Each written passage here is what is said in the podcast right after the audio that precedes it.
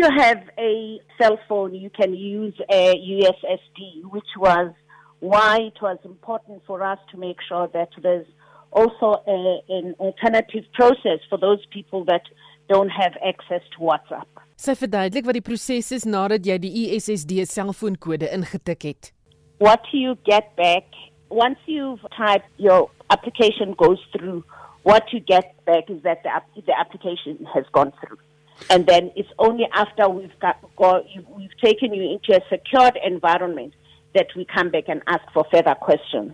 Die USSD kode is sterretjie 134 sterretjie 7737 hitsmerk.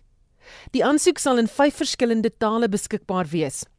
Memela Kambula verduidelik dat jy nie onmiddellik goedkeuring ontvang vir die toelaag nie. No, it doesn't tell you immediately because what needs to happen is that we need to then take your information and put it in this secured environment and vet and make sure that you actually don't have other grants from government. The idea is to get that to people within three days uh, for us to tell you that you've got this, that your application has been approved.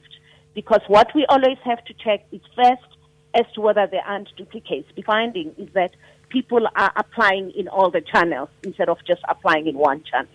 So we have to check the duplicates and make sure that it's one application and you haven't gone to email and USSD and all the other areas. Jy kan ook 'n e-pos stuur na srd@sassa.gov.za.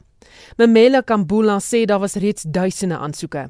We did actually. We didn't open at midnight. It opened at 12 yesterday afternoon, and already uh, by the end of the day, by 5 o'clock, we had received 750,000 applications. Die WhatsApp nommer is 082 04 68553.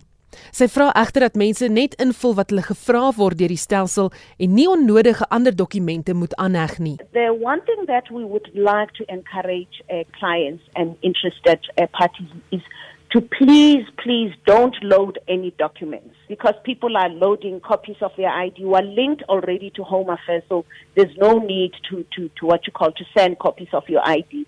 and others are loading uh, copies of the of their bank statements, which we don't need until such time we know that you qualify or not. But besides, we wouldn't need your bank statement in any case because all we'll need is, is your bank account, but not your bank statement.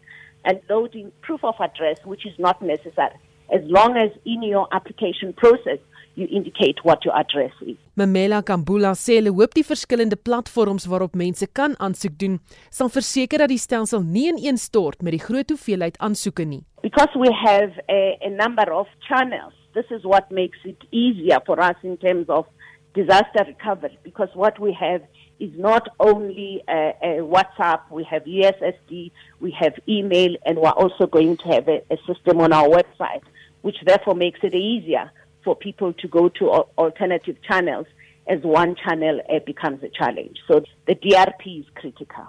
Sy verwag dat miljoene mense uiteindelik sal aansoek doen vir die toelaag. The prediction is that we will have between 3.5 million to about 7.5 million, but that's the prediction, the forecast that we've made. We'll see what happens as time goes on.